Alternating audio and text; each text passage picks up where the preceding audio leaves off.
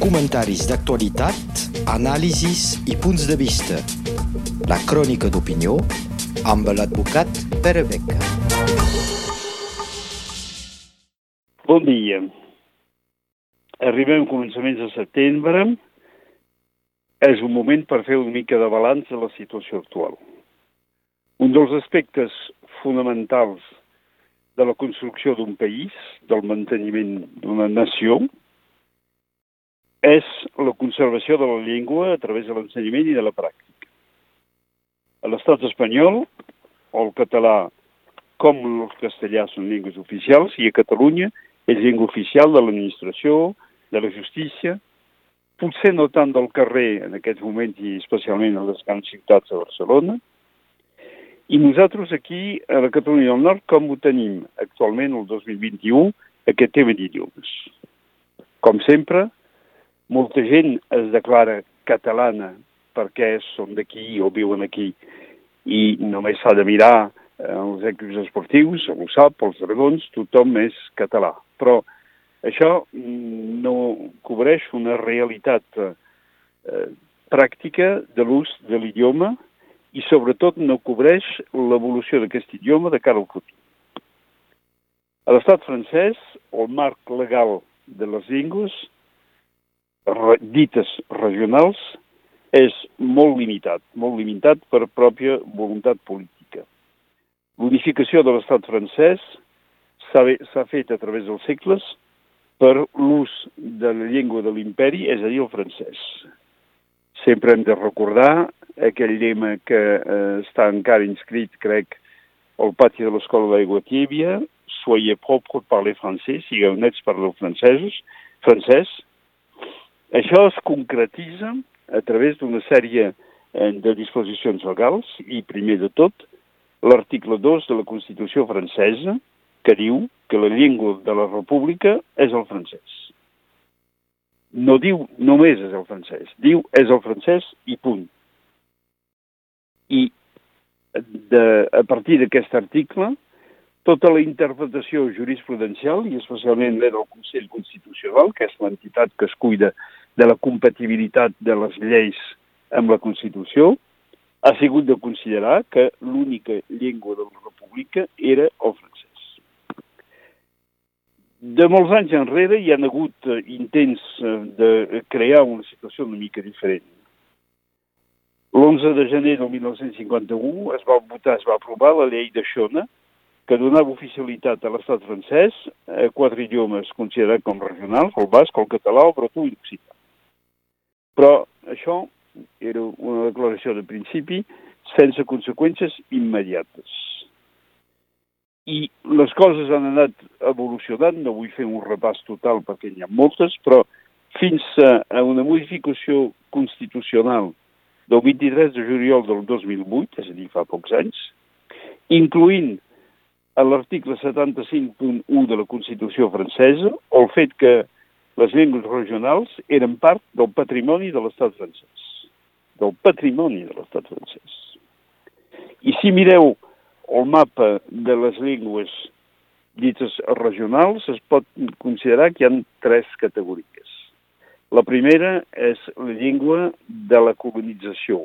En les posicions franceses a les Antilles, a l'oceà Indi, a l'oceà Pacífic, el francès sempre és la llengua, però la llengua dels colons, dels que manen o que manaven. Després hi ha unes categories de llengües regionals que són de caràcter únicament nacionals. És a dir, per exemple, l'occità, és a dir, el bertó, són llengües que es parlen en zones de l'hexagó francès, però que no es parlen en altres llocs. I després hi ha algunes, molt poques, essencialment, essencialment basc i català, que són llengües que, del punt de vista de l'estat francès, podrien ser considerades com llengües internacionals. És a dir, que el mateix que l'estat francès recomana aprendre l'anglès, l'alemà o el castellà, podria ser considerat que aquests idiomes que parla una part de la població francesa té una incidència internacional. I potser és d'això que surt el debat actual. El debat ha sigut centrat sobre de, eh, el Còdic de l'Educació de l'estat francès, sortit de la llei del 8 de juliol del, del 2013, perdó, integrat en aquest codi sota l'article 312.10, que té per conseqüència de donar una certa oficialitat a l'ensenyament dels idiomes regionals i que té per resultat més o menys de tenir a tot l'estat francès 60.000 alumnes de primari, una mica menys de secundari, però només 14.000, tot plegat, en immersió total. I tot el programa és aquest. L'ensenyament ha de ser l'ensenyament del català o ha de ser l'ensenyament en català de totes les matèries.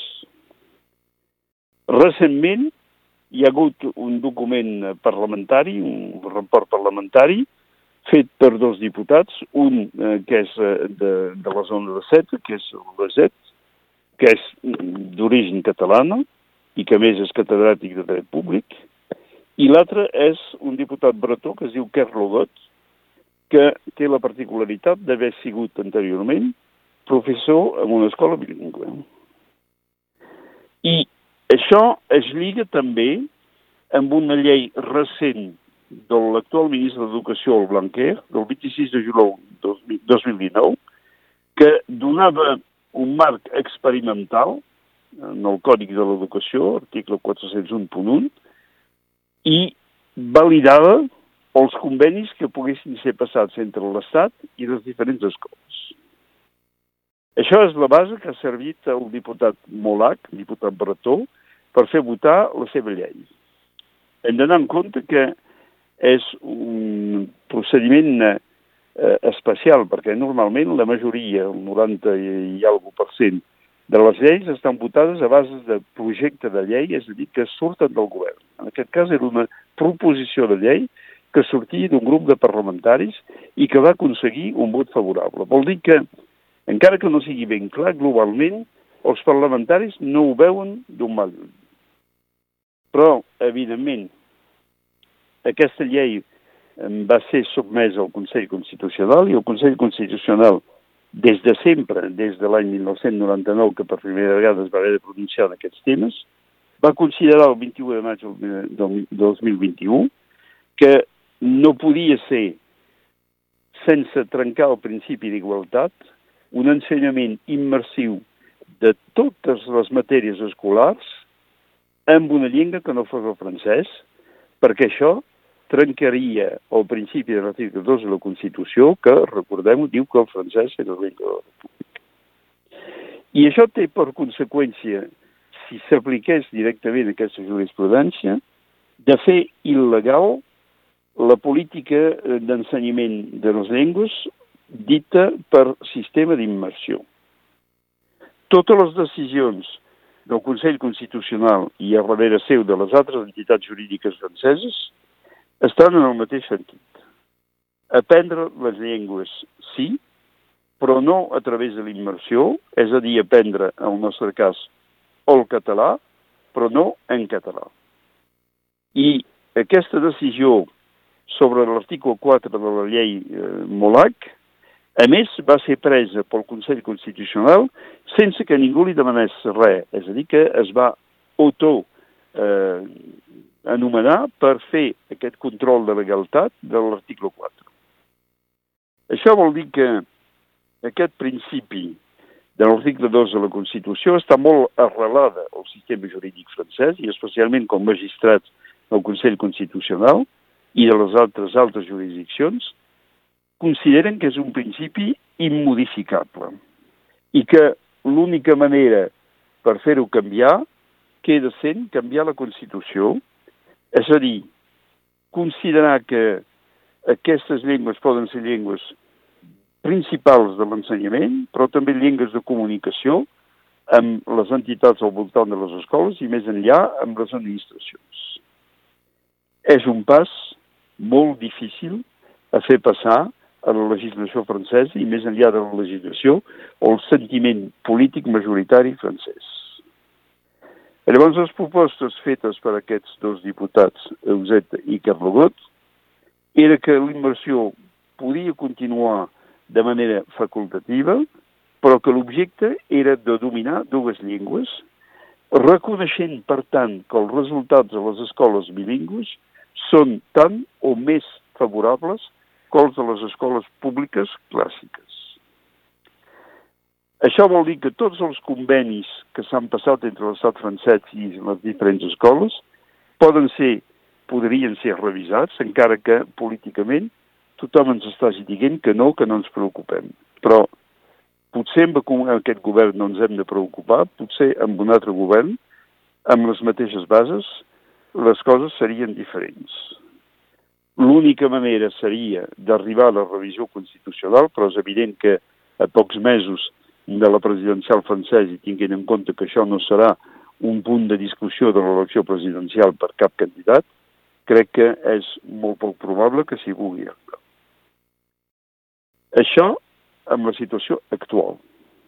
Però hi ha un altre argument que es podria portar endavant, era de contemplar que si Catalunya un dia o l'altre, aconsegueix ser un estat independent amb el català com única llengua oficial, llavors sí que hi hauria un argument, i un argument molt important, que, que és l'argument econòmic, de dir, si nosaltres tenim gent amb capacitat de parlar català siguent totalment bilingües en, en català, és evident que estarem molt més ben aplaçats que altres governs i que altres estats per discutir, fer negoci i estar en contacte culturalment amb el que podria ser la República Catalana.